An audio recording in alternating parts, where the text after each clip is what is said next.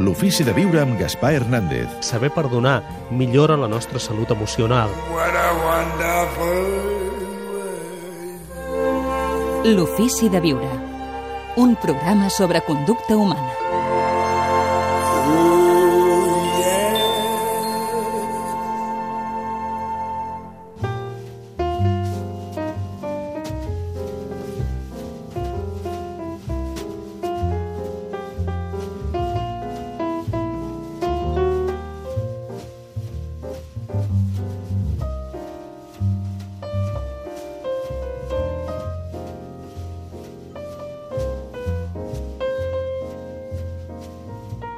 L'Àlex Rovira, en el seu bloc de notes, l'altre dia hi portava una frase de Gandhi. Què tal, Àlex? Benvingut. Ens la pots recordar, si plau, Com si ets tan sempre, amable? a cofoi, joiós, feliç d'estar amb vosaltres. Mira. Gandhi té perles meravelloses, eh, però una d'elles, eh, precisament, va sortir eh, espontàniament arrel de, de que vas fer el comentari de Trump, de Donald Trump. Eh, Gandhi deia que si un governant és corrupte, és que és perquè és un fidel representant d'aquells que l'han votat. I podríem declinar, si un governant és estúpid, és que és un fidel representant d'aquells que l'han votat. Si un governant és una bona persona, és que seria un fidel representant dels que l'han votat. Gandhi anava despullat per la vida. Sí, I senyor. això feia... Amb, tots els sentits, eh? En efectivament. I això una feia persona humil. que gràcies a aquesta humilitat, en el fons, fos molt i molt poderós, més poderós que els poderosos. I, i una persona tan humil... Perquè inte- integrava també l'ambivalència.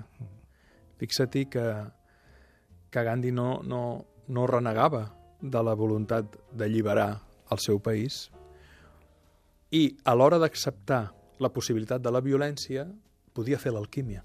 És el que dèiem l'altre dia. I va promoure la resistència passiva, que el va dur finalment a mereixer allò que naturalment li pertanyia a ell i a la seva gent. No? Um, ho tornem a lligar amb el tema de l'ambivalència. Però o amb, allò, o amb aquell aforisme famós, no? allò que negues et sotmet, allò que acceptes et transforma. Ho deia Jung, Carl Gustav Jung és, és el que va crear aquest, aquest aforisme. No? Mira si és important l'acceptació d'allò que és integralment. No vol dir la resignació, sinó l'acceptació per poder-li mirar els ulls al drac i fer l'alquímia interior. Quan mires als ulls al drac... Eh, la... Digue-li al drac la por, La la, por, culpa, la sí. ràbia, el dubte... Hi ha alguna lliçó de l'aikido que podríem aprendre i aplicar? Moltes lliçons. Per exemple, l'aikido, eh, durant els primers anys d'entrenament, bàsicament aprens a caure. I et desplaces de genolls, tocant a terra. Humilitat té la mateixa arrel etimològica que humor o que humà. Ve de hum, humus, terra. Per tant, és molt important tenir aquesta humilitat, aquesta disposició. Que, clar, de què ve l'humus? És que tot lliga, Gaspar. Què és l'humus? És allò que rebutja l'arbre. És allò que es desprèn i que resulta que és putrefacte. Però gràcies a la integració d'aquesta putrefacció té allò que el protegeix de les gelades de l'hivern, allò que reté la, la humitat al terra quan a l'estiu ha plogut i tenim dies de sequera. I de sobte, i també, eh, aquells fulls, el fet d'alliberar-se, permeten que hi hagi un renaixement. Tot va unit. D'alguna manera, si l'arbre, si tu a l'arbre que treu les fulles li escombres contínuament, l'hauràs de posar vitamines artificials, perquè allò que es desprèn és precisament el que serà el seu substrat per alimentar-se en el futur. Amb l'observació de les regles de la natura està tot.